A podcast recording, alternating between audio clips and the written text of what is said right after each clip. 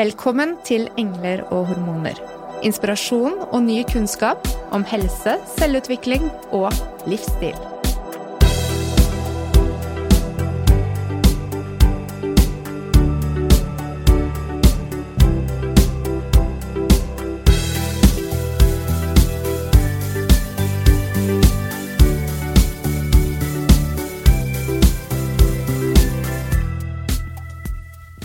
Vi er opptatt av ernæring av ulike årsaker. Noen bruker mat som medisin, noen bruker det som drivstoff, og noen bruker eller ikke bruker det med dårlig samvittighet og som straff. I dag skal vi snakke om mat, helse og tarm. Tarmhelse! Og med oss i studio så har vi ernæringsterapeut Helene Ragnhild. Hjertelig velkommen i studio. Tusen takk. Veldig koselig å ha deg tilbake igjen. Veldig koselig å få komme tilbake. Eh, du var her jo eh, sammen med oss i episode ni, og da eh, snakket vi om å øke ernæringen gjennom kosthold. Og vi erfarte da at vi fikk en del reaksjoner i etterkant. For det er jo sånn at kosthold og ernæring vekker mye følelser hos folk. Mm. Hvorfor valgte du å gå for ernæring som din yrkesvei, Helene?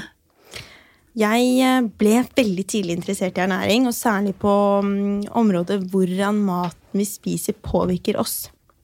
Så uh, jeg eh, ble, begynte veldig tidlig å lese om ernæring, og jeg tror jeg var, jeg var 14 år da jeg bestemte meg for at jeg skulle bli ernæringsfysiolog. Mm. Men så ble jeg veldig syk. Jeg fikk en diagnose som heter ME. Og ble sengeliggende i mange år og hadde denne sykdommen i, jeg hadde diagnosen i nesten ti år. Og kom meg ut av den bl.a. ved å legge om maten og bygge opp kroppen igjen gjennom riktig ernæring. Mm. Og da lærte jeg ernæring på en helt ny måte. Så, så, det har på en måte både vært en sånn interesse helt nesten som et slags kall helt fra jeg var veldig ung, men også da noe som jeg har fått erfare at fungerer så bra. Mm. Og tarmhelse er jo så viktig. Ja. Er det hvert femte minutt det kommer eh, publiseres nye forskningsartikler? Ja, det er det jeg i hvert fall har hørt. Det er eh, et veldig hett forskningsområde. Og det er veldig mange åpne studier, også her i Norge. Stadig mange som studerer dette temaet, og, som, og, og vi har funnet ut så mye mer i løpet av de siste vil jeg si, 20 årene. Og det er kanskje det som gjør det så, så spennende, at man åpner et helt nytt fagfelt. Mm. Mm. Nå er det ca. Ja, et år. Ikke helt det, men siden du var her i studio sammen med Lille Lykke. Mm. Sånn innenfor forskningsverden, hva er det som har vært det mest spennende som har skjedd det siste året? Altså, vi rykker jo stadig nærmere å få vite enda mer om hvordan mat påvirker oss. Og noe som går ikke helt på altså Alt går jo på tarm og hva vi spiser, men noe som har vært mye fokus på i det siste, er jo det her med ultraprosessert mat. Uh, det at vi spiser veldig mye mat som er veldig prosessert. Se for deg alt fra Snickers til tortillalefser. Ingenting som, som er på en måte sånne vanlige lokale råvarer og hvor negativt de påvirker helsen. Så det her kommer det å komme mye mer om nå fremover i media, tror jeg. Så det, det, kommer hele tiden nye ting som jeg tror vi kommer til å le om. Jeg håper om ikke bare eh, 30 år, men kanskje til og med 20-10 år av den maten mange av oss spiser i dag, og tenke at hva var det vi tenkte på? Mm. Ja. Og da er det jo i stor grad disse tarmbakteriene som vi snakker om. Mikrobiomet. Kan vi kjapt bare Hva er det? Mikrobiomet det er jo alle bakteriene som vi har på kroppen. For det som er viktig å huske på, er jo at tarmen din den er jo en lang slange som er inni kroppen din. Og den går fra munnen til rumpa, og det som er inni den slangen, regnes som utenpå kroppen din. Så det er en del av immunforsvaret ditt. Og litt sånn førstelinjeforsvaret, for det er jo der bakteriene kommer først. Hvis vi får de i munnen, ikke sant, så får vi jo de ned i magen, og de skal jo ikke bli tatt opp inn i kroppen din. Mm. Så dette er jo det, dette er noe av det første som beskytter deg mot eh, skadelige bakterier og virus, parasitter og alt det her. Og um, vi har så mange bakterier på oss at det, det er nesten for mange så er det ekkelt å tenke på. Fordi det er Vi kan si at vi er Noen sier at vi har tigangeren av bakterier. Så vi har ikke et eksakt tall, men du kan se for deg at du er Si eksempel at 10% menneskeceller, og resten av deg er bakterier. Så det er egentlig en svær haug med bakterier Mm. med litt menneskeceller. Det er ganske overveldende. Ja, det er ganske overveldende. Og det som da er spennende, er at uh, vi lærer jo litt om sant, karbohydrater og fett. Og proteiner det må vi ha for å bli sterke, og vi må ha forskjellige vitaminer og mineraler. Men hva vi må gjøre for å nære alle disse bakteriene, og hva de gjør, det lærer vi fint lite om. Og det er det ikke mye fokus på i eh, VG. Så um, det er jo også noe som er kjempespennende innen forskning, og vi hele kommer nærmere. det de prøver å finne ut, er jo både hva, altså hvem er disse bakteriene, hvilke bakterier er det vi har, og hva er det de gjør? For det som er så skummelt nå, er at eh, mange Vi holder på å miste det mangfoldet vi har. Eh, alle disse forskjellige bakteriene. Det finnes sikkert tre millioner ulike bakterier nedi magen. Og det er eh, jeg tror det er 100 ganger så mye arvestoff i bakteriene dine som er i deg. Så når vi mister disse, så er det kanskje en bakterie som er med å passe på at tarmen din er tett. Det er kanskje en bakterie som tar opp B-vitaminer. Det er kanskje en bakterie som passer på at ikke du får i deg et skadelig stoff som kan føre til en sykdom. Og det vet vi ikke ennå, men det vi vet, er at disse bakteriene er der. At vi skal ha de, at de er arvet gjennom generasjoner, og at vi må begynne å ta vare på de. Mm. Mm. For hva er det vi gjør som gjør at vi ikke tar vare på de? Du nevnte jo f.eks. prosessert mat eh, mm. i stad. Ja. Er det liksom den største verstingen? Det er en av de, fordi ultraprosessert mat, det er jo mat som ofte inneholder veldig lite fiber, veldig mye sukker. Og det som skjer da, ikke sant, at du spiser maten, du svelger den gjennom spiserøret ditt, den kommer ned i magesekken din, der fordøyes den, tas videre ned i tarmen. Og når den kommer ned i tarmen, så blir det sukkeret tatt opp så fort, og så kan du se for deg at nedover nedover i tarmen ikke sant, som et langt langbord, så er det da masse bakterier, og de får ikke noe mat. Den sukkeret blir liksom spist opp av de som sitter helt på enden av bordet, og så sitter de nederst med liksom kniv og gaffel og bare Å ja, ikke noe til meg i dag heller. Mm. Og når de ikke får fiber og den næringen de skal ha, så svinner de hen. Da dør de, rett og slett. Så de sulter, og da får du jo veldig mye forskjellige plager i kroppen din. Mm. Så det vi trenger til disse gode bakteriene i tarmen som gjør en jobb for oss, det er det som heter prebiotika. Stemmer det? Ja. Um, det viktigste å få i seg er et mest mulig bredt spekter av plantemat. Så prebiotika er jo denne type fibre som bakteriene spiser. Men uh, det er viktig å understreke at prebiotika som et sånn tilskudd eller liksom tatt ut av maten, det er ikke nødvendigvis nok for å bevare alt mangfoldet. Mm. Så det er viktig at du også spiser bare altså, mest mulig forskjellige typer planter, altså grønnsaker, eh, frukt og bær og nøtter og frø og kornvarer. Altså sånn mest mulig bredt spekter av alt. Bønner og linser og alt som har uh, fiber, sånn at du får på en måte bygd opp alle de forskjellige. Hvis du ser for deg at tarmen din er som en stor, stor blomstereng, så vil du bevare alle de forskjellige typer blomster. Du vil at den skal være finest mulig, og da må du bruke litt ulike typer gjødsler til alle de forskjellige. Mm. Mm. Jeg liker at vi på en måte snakker om det vakre flora-jordet med masse deilige, fine blomster, og så er det bakterier i tarmen vi prater om. Veldig, ja, ja. veldig fint. det er fine ting da, som vi ønsker å ha. Ja, det er jo det. Jeg syns det er spennende hvordan du trekker inn at de har ulike kvaliteter. Fordi nettopp det som vi ser nå med tilskudd av probiotika, da, som ofte eh, blir solgt som er kanskje enkelte grupper bakterier som man tilføres en høy dose av, så det, eh, vil det være et bredere spekter kanskje vi finner som vil være mer målrettet mot ulike plager i fremtiden, eller støtte helsen vår på mer målrettet måte. Mm. Altså, det vi kan tenke, det jeg ser for meg i fremtiden, er at du kommer til et sykehus, og så blir nesten tarmfloraen din screenet.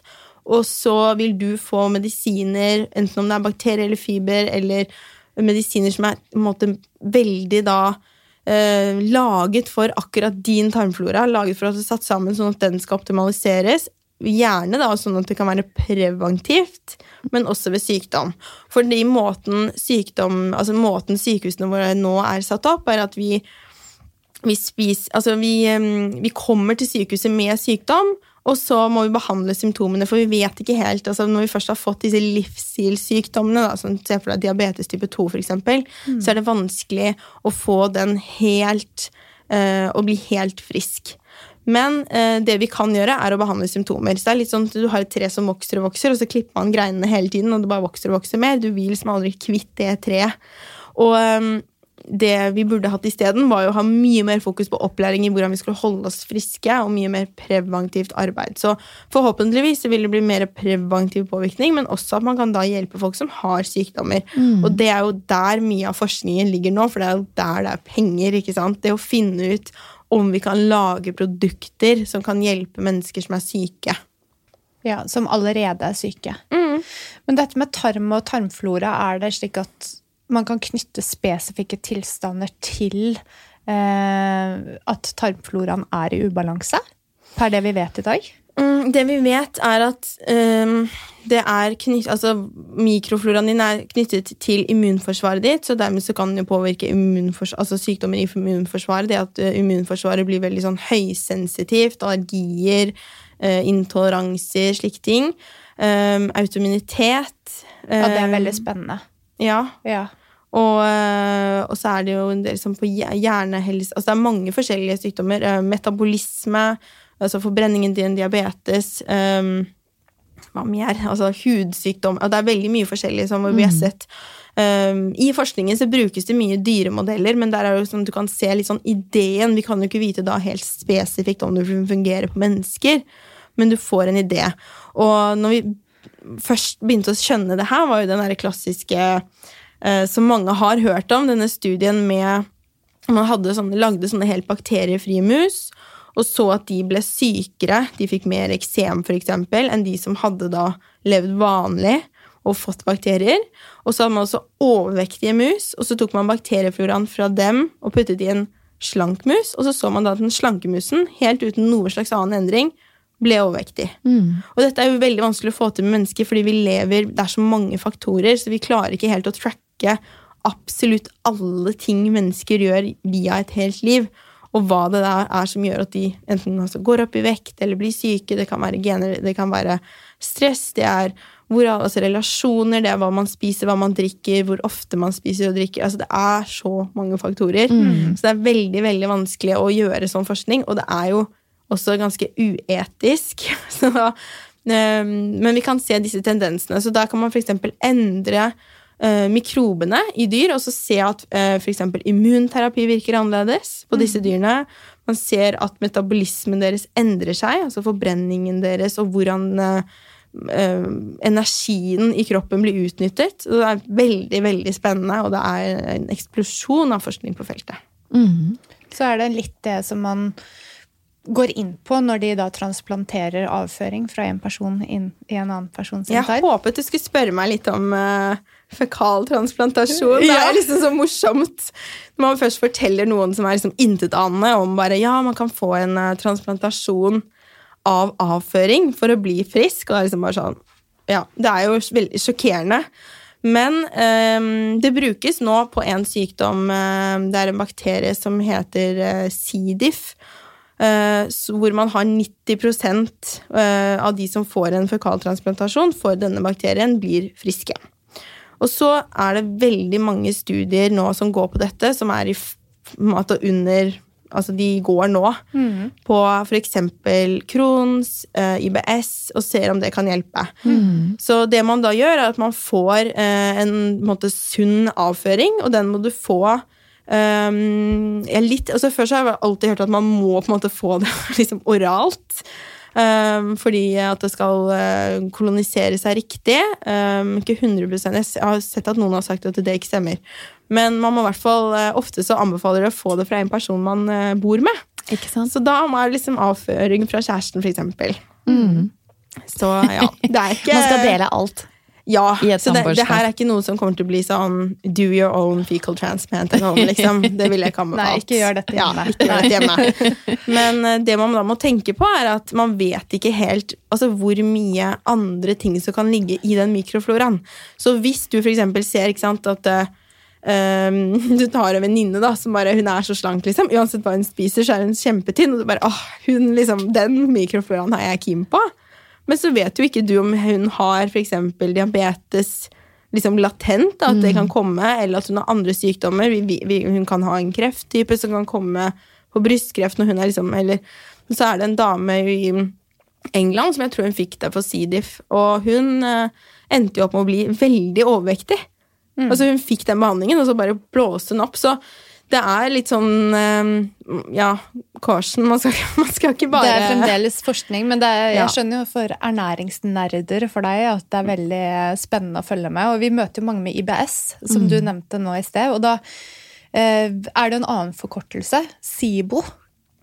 Ja, SIBO og IBS er jo to forskjellige ting. Ja, forklar oss Um, litt om det. Ja, SIBO er eh, en, noe som er um, small intestine bacteria overgrowth. Det vil si at eh, du har fått bakterier som har på en måte flyttet opp i tynntarmen din, der de egentlig ikke skal være. Fra Eh, tykktarmen? Ja, for det er i tykktarmen det er mest bakterier. og Uh, apropos, ikke sant, sånn som man er sånn, «Åh, bakterier er ekkelt. Liksom, vi er jo fulle av bakterier også på huden. Vi har det liksom i hele ansiktet, i munnen, overalt, sånn ører. Uh, alle liksom, kroppshull er jo fulle av bakterier, og det er jo en positiv ting. Uh, og i tarmen din så er det ganske rent for bakterier. Eh, så hvis du ser, hadde sett på tynntarmen, så hadde du sett at den er ikke full av bakterier, og den skal heller ikke være Der Der blir jo eh, maten klippet opp og fordøyd, ikke sant, tatt opp, og så kommer mer av maten nedover, liksom sånn dette langbordet, da. Men når bakteriene kommer mer opp, så skaper det krøll. Så det er jo en av de tingene som er veldig i økning nå. Eh, Vi ser at flere og flere får problemer med det, men det er litt også fortsatt på det stadiet hvor folk liksom sier sånn ja, ja, jeg har SIBO, jeg kjenner meg alle symptomer, men så er det som IBS og SIBO og alle, mange forskjellige sånne diffuse sykdommer, så er det ofte sånne lister som man finner på nett, hvis du liksom googler det. Og så er det sånn 'Å, jeg er oppblåst', ikke sant. Så er det sånn 'Jo da, jo da, jeg har jo alt det her. Da har jeg det'. Så man må passe på at man ikke hopper på og liksom selvdiagnostiserer seg med alt mulig. Mm. Um, ja. Og dette kan testes. Ja, med SIBO så kan du ta en blåseprøve hos legen, i hvert fall for å få en sånn slags indikasjon på at du har sånne gasser på en måte for høyt opp. Uh, mens IBS, det er jo irritable bowel syndrome. altså Det er liksom rett og slett en tarm som er irritert. Den har ikke, det har det ikke bra.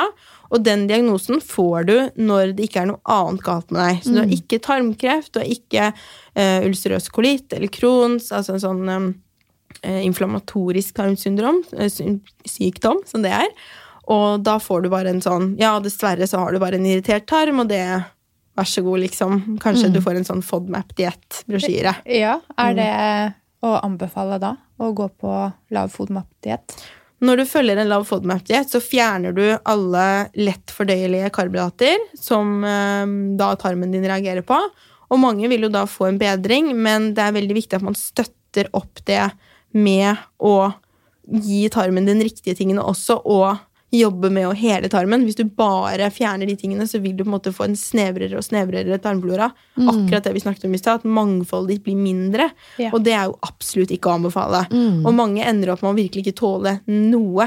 Jeg har skrevet en artikkel om det på bloggen min, og da var det veldig mange som bare 'Dette er meg, liksom. Jeg tåler ingenting lenger. Jeg blir oppblåst uansett hva jeg spiser. Du bare tar bort ting etter ting etter ting. Ja. Så da er vi tilbake til eh, variasjon innenfor plante, frø, nøtter, bær, frukt og belgfruktrike. belgfruktriket. Ja. Og det er jo Dessverre så er det altså, alltid Det ser jeg nå på, på datteren min, og det å komme inn i dette her med å vite mye mer, det er selvfølgelig mye lettere enn om hun nå hadde vært 15 og jeg hadde oppdaget det her, og hun allerede hadde masse problemer med tarm. Så det beste er jo å være, jobbe preventivt, men så er det noe med oss mennesker at vi er litt sånn Så lenge man ikke er plaga, så, så er det ikke alltid man tenker på det her. Det blir litt sånn Ja, ja, men jeg har jo, er jo ikke oppblåst, ikke sant, så da er det sikkert bra. Og, og det er jo litt skummelt, for det er ikke før du får dårlig helse. Det er ingen som går rundt og Eller jeg gjør det, men, men det er jo fordi jeg har hatt dårlig helse. Men de færreste går rundt og er så takknemlige for god helse. Men du hadde en historie der du Du sa jo at du, du brukte mat for å eh, få mer energi og komme deg i MN, så før det så hadde du kanskje ikke optimalt kosthold, eller? Nei. Nei. Nei. Da hadde fordi du den reisen selv også? Ja, ja, jeg begynte jo å ville spise veldig sunt, men det var jo ikke egentlig det som er så sunt. Mye sånn lettprodukter, veldig mye korn. Eh, For korn er jo ikke usunt, men det kommer helt an på hvordan du spiser det. Eh, Og så, så jeg tenkte jo at jeg spiste veldig sunt, men når jeg ser tilbake, så gjorde jeg jo ikke det. Nei. Så ulike dietter og trender, da. For der var vi kanskje på en litt naturlig overgang til det. Det endrer seg jo veldig hva som er eh, trendy. Nå er I dag på den klinikken der vi jobber, så hadde vi en internundervisning om intermittent fasting. Og det er jo en sånn stor trend nå. Eh, og mm, ja, har du noe innspill på dette med trenddietter? og Tar de oss fremover, eller er det bare stort sett blaff som går over? Eh, alle disse ulike diettene som vi leser om i media. Jeg tror absolutt at de tar oss fremover på, på sett og vis, fordi at man får testet liksom hva som funker for en selv. Eh, Men man skal alltid ta ting med en klype salt. Fordi det er noe med at vi liker jo å lese om det nyeste. Vi liker å finne en, liksom, en enkel løsning. Og veldig mange Jeg var jo der selv også før. At jeg liksom var alltid på jakt etter det som skulle på en måte fikse meg. Det måtte jo være en sånn brikke som manglet.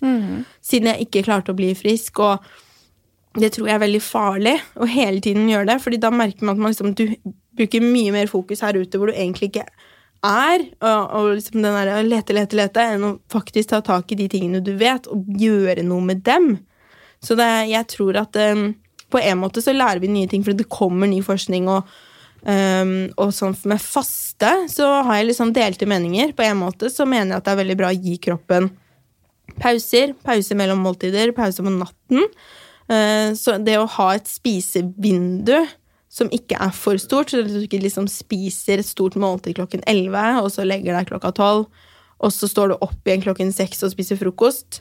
For da får kroppen så kort tid, og tarmen så kort tid. Og når du hele tiden fyller på i tarmen, så må den hele tiden jobbe og rydde, og den får aldri hvilt, den får aldri på en måte gjort den der renselsesprosessen. Men samtidig så um, ser jeg at veldig mange gjør faste på veldig mange usunne måter.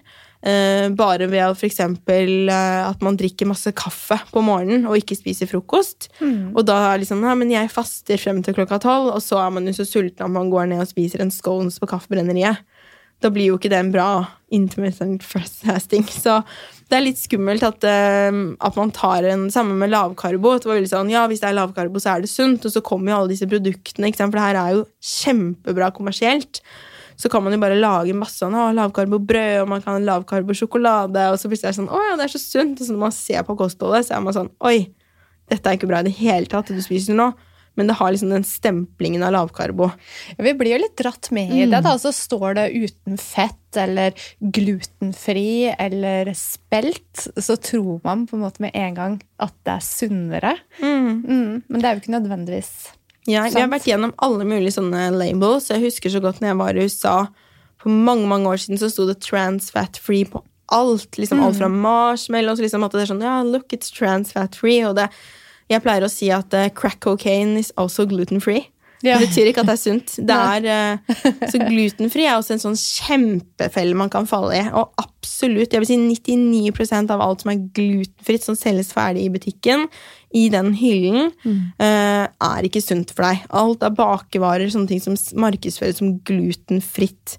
For det man isteden må erstatte det melet med, er jo eh, veldig raffinert rismel og maismel, som inneholder absolutt null næring, og som er, gir veldig rask blodsukkerstigning. Så, så du får på en måte sånn, du bytter med noe som ikke gir deg noe mer, da. Og da vil det også egentlig dø ut en del av disse bakteriene som er i tarmen. Nettopp! Ikke sant? Ja. Jeg lærer noe. Mm, ja, ja.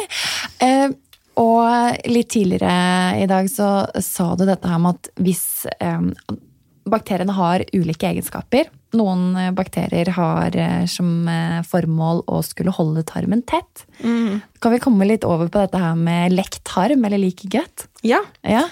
Lekt tarm er jo et uttrykk som kom for mange år siden, og da var det veldig mye sånn Nei, det er ikke noen ting. Og så tok det noen år, og så var vi litt sånn Oi, det er noe likevel. Så sånn semipermeabel tarmmembran, det er at det, sånn som jeg snakket om i stad, denne lange slangen, den har kun faktisk ett cellelag som beskytter det som er inni slangen og utenpå kroppen din. Maten du spiser, bakterier, alt det her. Fra innsiden av kroppen din. Så det er ett eneste lag med celler. Og de cellene de sitter tett, tett, tett sammen. Og mellom cellene er det noe som heter tight junctions. Og eh, noen eh, matvarer kan være med å irritere disse og eh, gjøre at de ikke klarer å holde helt tett. De blir ikke helt tight. Og da uh, sklir cellene litt fra hverandre, og så kan større matpartikler så Det er fortsatt på molekylnivå, men komme inn i kroppen din og skape inflammasjon. Og inflammasjon er roten til omtrent all sykdom. Så vi vet også nå at tarmen har Alle disse bakteriene i ta- tykktarmen din de holder seg på en måte litt sånn midt inni tarmen. Og så er det et lag med slim mellom tarmcellene og bakteriene. Og dette slimlaget Vi vet ikke helt hvorfor det er der, og hva det gjør, men vi vet at det er viktig, mest sannsynlig, og at eh, når vi ikke får nok fiber, som disse som sitter på enden og ikke får noe mat, da begynner de å spise av dette slimlaget, for det inneholder karbohydrater. Og det kan også mulig være med å skape at en ubalanse i tarmen. Så um, Og hva skjer da, hvis man eh, får denne situasjonen? Hva er typiske symptomer som eh, en person vil kjenne på? på lektarm? Mm. Det kan være alt fra smerter i ledd, det kan være hudproblemer, altså sånn rødlig hud, eksem. Det kan være altså De mener jo autoimmunitet. Altså vi vet jo ikke, Dette er jo ikke noen som man liksom har en forskningsstudie på at lektarm er lik dette og dette. Men det er liksom hypotesen. Så veldig mye av det her er fortsatt på hypotesenivå, men det betyr jo ikke at jeg pleier altså jeg, Hadde jeg ventet på forskningen på ME, så hadde jeg sittet med ME ennå. Vi har ikke kommet noe lenger. Vi har kjørt kjempestore forskninger, annet i Norge, på medisiner som skulle kurere ME, og så viste det seg at å, det funka ikke. Så etter liksom fem-ti år så er det folk som liksom har ventet og ventet og bare vært sånn Den datoen kommer den medisinen, og så bare Nei, den kommer ikke, fordi det viste seg at den funker ikke likevel. Så det er veldig viktig at vi følger en litt sånn Sånn som med fiber, probiotika, prebiotika, alt det her. Mest sannsynlig så hjelper det, og minst sannsynlig så skader det deg. Altså, det å spise ren, sunn, bra mat er uansett bra, og så må vi prøve å knytte med, med liksom logikk og det forskningen vi har, sammen hva som mest sannsynlig er bra for deg. Og man ser jo også på de store sykehusene i utlandet at det settes sammen funksjonelle medisinere som Mm. tar for seg akkurat disse tingene. Så eh, henger Ja. vi litt etter her hjemme? Ja, det gjør vi, og i Norge så er vi sånn at vi møter ting med ryggen uh, veldig. Vi liker ikke nytt. Vi vil liksom ikke høre at brødskiva ikke er bra, vi vil ikke høre at potetene ikke er bra. Og vi vil ikke høre at vi skal endre på ting. Vi er ikke sånn 'Å, så spennende', og 'nei, sier du det', og vi er mye mer lukka. Og vi liker liksom våre vaner. Så jeg, jeg tror vi absolutt ligger bak. Og, og det er veldig sånn Det skillet mellom um, legene, som eh, ofte er altså på sykehus og sånne ting, og ehm, og det, liksom, det alternativet, der er det veldig sånn hardt skille. Og, og det er veldig mye Jeg opplever at det er mye aggresjon. At liksom det å snakke om, Hvis jeg snakker om at eh, å, spis mer sånn for å liksom styrke tarmen, så er det sånn å, du har ikke 100% belegg for å si det i, den, liksom, i én forskningsstudie. Så er det sånn Ok, men hvis jeg liksom inspirerer folk til å spise mer grønnsaker, så tenker jeg at da er vi liksom på samme lag. Så se den litt isteden. Men selvfølgelig skal man ha ting som er opplagte. Jeg syns det er veldig viktig å aldri liksom komme med sånne konkrete, helt sånne harde endepunkter altså, som heter uten å faktisk kunne støtte det opp med noen ting. Da må man heller si at mest sannsynlig, vi vet ikke. Eh, og det er fordi at det er så nytt forskningsfelt. Så det er ingen som vet. Det er ikke sånn at legene heller vet noe mer, og de må jo bare Jeg tror veldig mange leger møter pasienter og tenker at ja, jeg kunne prøvd liksom å gi kostholdsråd, men jeg har bare ti minutter med den pasienten, og så ser de aldri igjen. Altså, hvor skal man starte? Så Man må på en måte hjelpe folk på andre måter, så man er litt låst. Ja, og jeg er jo også autorisert helsepersonell, og vi skal forholde oss til Statens råd for ernæring og fysisk aktivitet. Eh, Og det går jo litt sakte før det kommer endringer, men på en måte så er det bra, fordi at man skal jo være helt sikker før man endrer retningslinjer. Men det betyr jo ikke at enkeltpersoner har nytte av eh, variert tilnærming. Eh, Og det gjelder jo da spesifikt i forhold til muskel-skjelettplager, som vi ofte opplever. Men dette er jo et felt som vi også etter hvert bør kunne mer om, fordi mat kan være medisin. Ja, og alle spiser mat. ikke sant? Det er jo ikke alle som løper maraton, eller alle som føder, men alle må spise mat. Det vet vi. Så derfor så har jo alle på en måte en slags interesse og en mening om mat, på godt og vondt. Og Helsedirektoratets råd de er ikke dårlige på noe sett. Det er ikke sånn at man er enten for eller imot de rådene. Men det som jeg er opptatt av å belyse, er at de rådene skal være trygge. Uansett hvem som helst har ett sånt råd ut av de ti rådene, og så bestemmer seg for å bare ta den, så skal ikke det skade dem. Og det er um, sier liksom rådet om å Hvis vi hadde rådet dem heller til å velge mettede Altså, nei, fullfete meieriprodukter, så hadde jo folk bare dyppet potetgullet sitt i seterømme istedenfor lettrømme. Det er ikke sånn at de hadde vært sånn å ja, men da skal jeg liksom ta den økologiske fiskefileten her, liksom, og ta litt rømme på den. Så ikke sant, man må på en måte alltid tenke om hvordan vil dette tolkes også. Mm. Men det som er veldig viktig med de rådene, er at de er jo for friske mennesker, og de skal passe for hele populasjonen, og vi er ikke like.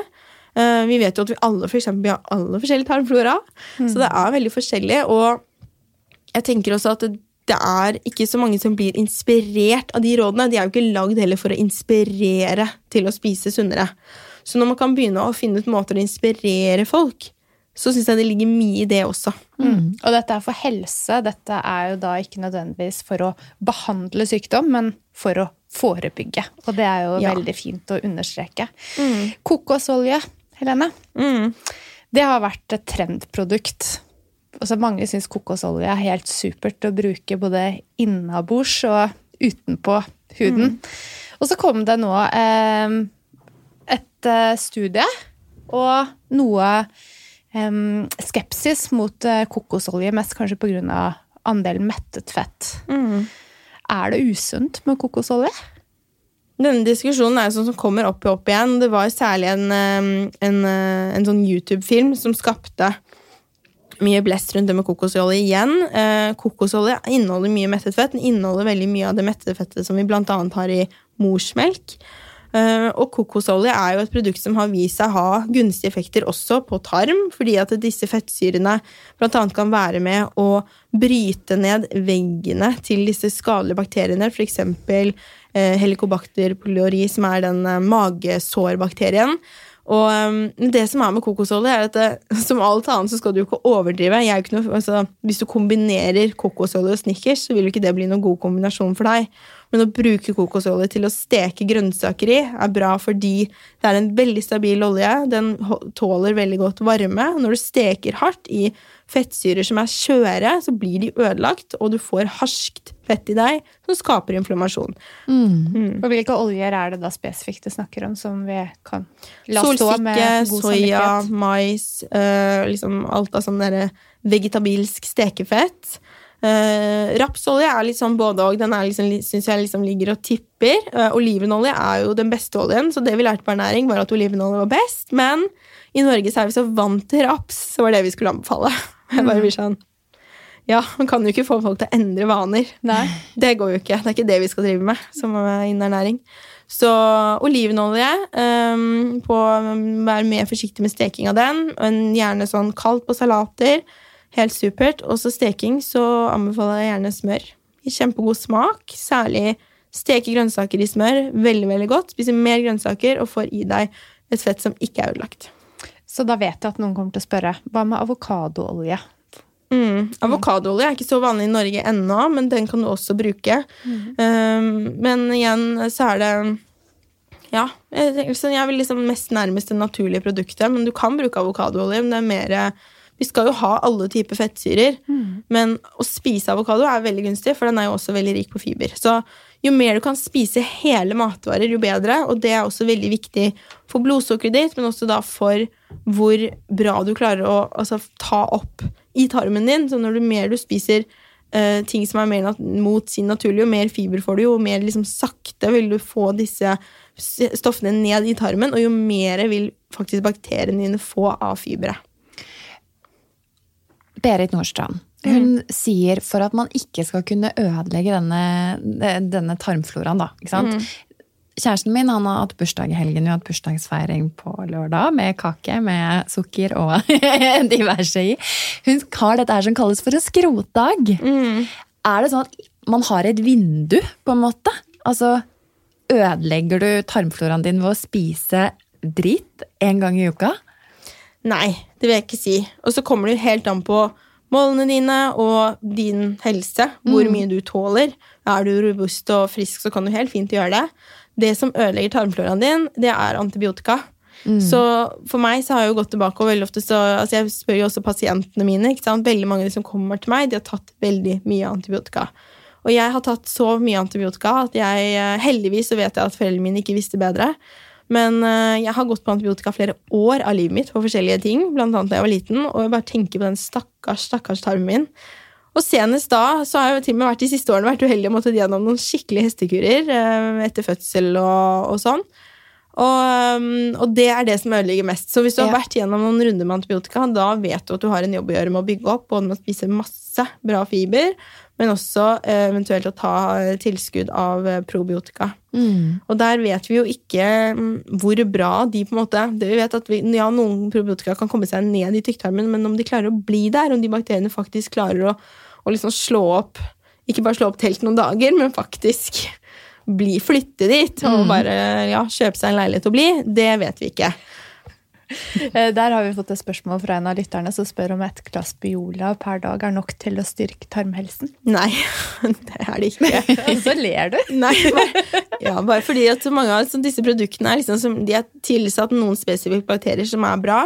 Um, noen melkesyrebakterier, og det er fint, men med et glass Biola så får du jo også veldig sånn høyprosessert melkeprodukter som er um, ja, sukker, ofte litt konserveringsmidler, og så er det veldig ofte lite fett. Så det er liksom ikke Hva med det som eh, Mona og jeg har eh, gått til innkjøp av i dag? Tenkte Det var spesielt, eh, spesielt riktig tidspunkt å kjøpe kambodsja på, Mona. Hva tenker du om kambodsja? Ja, kambodsja er supert. Kambodsja inneholder altså det, Kan du si hva det er først? Kambodsja er en fermentert te. Eh, smaker litt sånn friskt. Litt sånn Hva skal jeg si Nesten litt sånn eh, Mm. Jeg syns det smaker litt som en sånn lett, lett, lett vin. Um, og, og det er jo også fordi vin er jo også fermentert, Fermentert. selv om vin ikke inneholder levende bakterier. Vel å merke. Men um, det som er fint med kambodsja, er at den inneholder noen helt spesifikke syrer som er veldig bra for fordøyelsen din, og så inneholder den levende bakterier. Så kambodsja er supert å drikke. Um, passe på å kjøpe ekte kambodsja. Det er det som er så, så synd ikke sant, igjen at mange av disse tingene med en gang det blir poppis, så er det sånn, å, da blir det så kommers, og så kommer det mange gode. Ofte så er det folk sånn som vet du, sånn som Gry Hammer, ikke sant, som er sånn 100% kompromissløs, liksom, og hennes produkter er liksom, de er fra ende av veldig bra. Men så er det andre som er sånn, ok, hvordan kan vi korte ned prosessen? For det er jo det alt handler om i matvareindustrien. Det handler om å skape produkt til deg billigst mulig, hvor de tjener mest mulig, og prosessen går fortest mulig. Så se for deg når du skal bake et brød, så tilsetter vi Først så bruker vi jo eh, som er eh, avlet over mange år for å inneholde mer stivelse og for å inneholde mer gluten. Så tilsetter vi ekstra gluten, og så, ikke så, så baker vi da på fortest mulig tid. Så på bare noen timer. Før så hadde du laget et sånn langtidssyrnet surdeigsbrød, mens nå får du liksom bare på et par timer så bare uff, du det kjempebrødet. Og det skaper jo da igjen problemer i din tarm, men du får et billig produkt som smaker veldig godt, og som gir rask blodsukkerstigning. Og når du kombinerer det med noe fett og noe godt pålegg, og sånn, så klarer du jo ikke å stoppe å spise heller. ikke sant?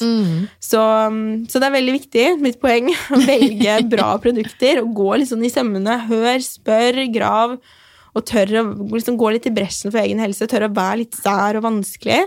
For det her er veldig viktig, og i hvert fall hvis du har kjent på hvor ødelagt liksom, um, jeg husker når jeg var veldig syk, så pleide pappa alltid å si, fordi jeg har jo en lillesøster som også fikk kreft, og da ble vi behandlet så utrolig forskjellig i helsevesenet, og det er jo et ganske sånn spennende felt i seg selv.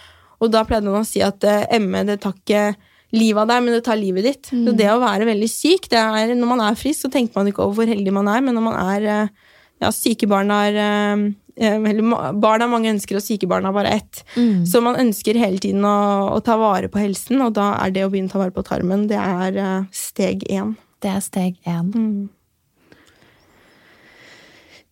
Det er eh, så mange ting som engasjerer rundt kosthold. Vi har fått inn et par spørsmål til. Er det greit om vi bare tar det ned til noen konkrete ja, korte punkt? Om probiotika, for eksempel. Er det noen tid på døgnet som det er mer gunstig å ta probiotika enn andre? Det er igjen så Jeg har funnet veldig mye forskjellige meninger på det. Noen mener at det er best å ta på tom mage. Noen sier at det er bedre å ta med mat, for da blir det liksom mer sånn, ligger det lenger og får mer tatt opp. Noen sier kvelden. Så jeg, jeg har rett og slett ikke noe klart svar. Jeg tenker det absolutt viktigste er jo å få det i seg. Um, og at det, er enda viktigere å, å leve for å få en god eh, en god tarmflora. Uh, så det å ta gode valg i forhold til hva man smører seg med, ikke bruke antibac, uh, å være ute, alle disse tingene som også gir deg en god tarmflora, er vel så viktig. Men ja, når, når, man skal si Når man skal ta probiotika, det, det er det ikke noe helt klart svar på. Bør vi ta det kontinuerlig? Igjen så har jeg ikke noe, noe 100% svar. Det, liksom, det jeg har tenkt selv, da, min teori er jo at uh, vi vet at det kan være gunstig uh, etter en uh, At det kanskje kan være med å booste liksom, mens du bygger opp tarmfloraen din etter antibiotika. Mm -hmm. Så selv om kanskje ikke disse bakteriene blir, kanskje det er bra å ha dem der mens du bygger opp mer av dine egne. Um, og at um, hvis du får en veldig god effekt, så er det kanskje verdt det for deg å gjøre det hele tiden. Og det er jo hele tiden en avveiing. Uh, mange spør meg sant, sånn, hvor lang tid liksom, uh, må jeg liksom spise fermentert mat. Så er jeg sånn, For alltid! For det skal mm. egentlig være en del av din, ditt kosthold. Uh, sammen med kraft, alle disse liksom, helende matvarene som er så bra for oss. det er litt som å si ikke sant, sånn 'Å ja, jeg må dusje igjen i dag'. Liksom. Ja, det må du. liksom. Man må det er ferskvare. Det er ferskvare, og det er samme med maten og trening og alt. Du kan ikke liksom trene ti ganger på to uker, og så bare Yes, nå er jeg ferdig, liksom. Nå tar jeg en måned fri. Det er ikke sånn det funker. Nei, det makes sense, men så er det vel noe med oss da, når vi beveger oss i samfunnet og leser overskrifter og ser nye, fristende produkter på butikken, at man hele tiden faller av litt denne vogna. For det, det du snakker om, er jo egentlig helt basic. Mm. Det er de mest naturlige råvarene. Det er variasjon, det er spise regnbuen og alle disse enkle, greie kostholdsrådene som mm. vi egentlig vet. Ja, er, ja, ja, men jeg skjønner den der lammelsen man får av at rådene spriker i forskjellige retninger, og vi henger oss opp i sånne enkeltting som som kokosolje. Så blir man sånn Å, nå vet jeg ikke, hvis, hvis, ikke det er bra, så hva med det, og hva med det? Så blir man plutselig redd for å spise alt. Mm -hmm. uh, og det at man er sånn Ja, men å nei, gulrot, det har jo så høy glykemisk indeks, og det skal jeg i hvert fall ikke spise. Ikke sant? Og så blir man jo helt ko-ko til slutt. Mm. Så um, det er ikke rart i det hele tatt. Jeg har full forståelse for det, og det kan jeg kjenne meg igjen i også, fordi at jeg leser og går på det dypere kanskje planen det de fleste andre gjør. At jeg da finner ut sant, den ene studien eller den ene artikkelen som noen har skrevet om at liksom ah, nei, alfalfaspiret var visst ikke bra, det heller. ikke sant? Da blir man jo sånn Ok. Men samtidig så tenker jeg man må tenke sånn Hva andre ting er det vi gjør som ikke er bra? Vi liksom Jeg har gått rundt i byen i dag og sikkert fått masse forurensning, og så har jeg stressa, og så, og så tok jeg jo da den antibac... Nei, den, ja, den kuren da etter fødsel for å for å overleve. Ja. så det er noe med at man må på en måte bare leve livet sitt og spise mat. Og så må vi bare ta de valgene som vi tenker er best, og så må du også høre på deg selv og kjenne etter hva som fungerer i din kropp. Fordi hvis du bare ja, jeg, jeg går på lavkarbo, men jeg føler meg ikke bra, så er jo ikke det bra for deg. Du skal føle deg bra. Men om vi da skal få Helene Ragnhild sine beste tips til god tarmhelse, hvordan vil du oppsummere dine råd for oss som ønsker å gjøre det beste for tarmen vår. Spise masse variert eh, plantemat, særlig grønnsaker. Vise grønnsaker til alle måltider og halve tallerkenen. Og faktisk få det inn og, og, se på kostholdet ditt om du får det inn. For jeg tror veldig mange tenker jeg i hvert fall tenker ofte at jeg spiser så innmari mye, men så plutselig så er det en dag hvor det blir litt sånn Oi, var litt fort, ikke sant, og så rakk man ikke å si ja. Mm. Så det å begynne å faktisk få det inn hele tiden um, Og så er det og for tarmen da er liksom å leve riktig, som jeg sa. Være ute. Ikke overdrive hygiene. Ikke bruke sterke vaskemidler, produkter som inneholder antibakterielle stoffer. Ikke bruk det i oppvaskmaskinen din, sånn at du får det i deg når du spiser av serviset ditt. Ta vare på disse tarmbakteriene og, og mat dem. Og, eh, og, dette gjelder jo enda mer med barn, og det er liksom det at jeg har fått blitt så mye mer obs på det etter at jeg fikk lykke, fordi at jeg vil jo bygge opp hennes tarmflora best mulig. Mm. Mm. Og ikke bare har du kunnskapen, men du deler jo også inspirasjon til hvordan vi kan gjøre dette i praksis. Hvor ja. kan vi finne deg, Helene? Eh, Jeg er på helenragnhild.no og eh, på Helen Ragnhild på Instagram. Og så har jeg masse guider. Kraftguiden, smoothieguiden. Hvordan, eh, sånne eh, enkle tips til hvordan du kan komme i gang. Så eh, de finner du også på nettsiden min. Fantastisk. Virkelig verdt å følge. Ja, Mm. Masse inspirasjon, og vi kjenner jo mange som har vært takknemlige for den inspirasjonen du har gitt gjennom kursene dine og oppfølgingen, Helena. Så vi setter stor pris på at du tar deg tid til å komme hit til oss. Og kanskje vi kan spørre deg også om å følge opp ved å svare på noen spørsmål fra lytterne våre etter episoden i dag, for jeg vet de vil komme. Ja, det tror jeg de vil komme. Ja. Men da kan dere kan. ja, følg med på sosiale medier, og så kan vi høre fra deg hvis det er noe som er uklart, eller om du lurer på flere ting. Takk for i dag. Takk for i dag. Ha det bra.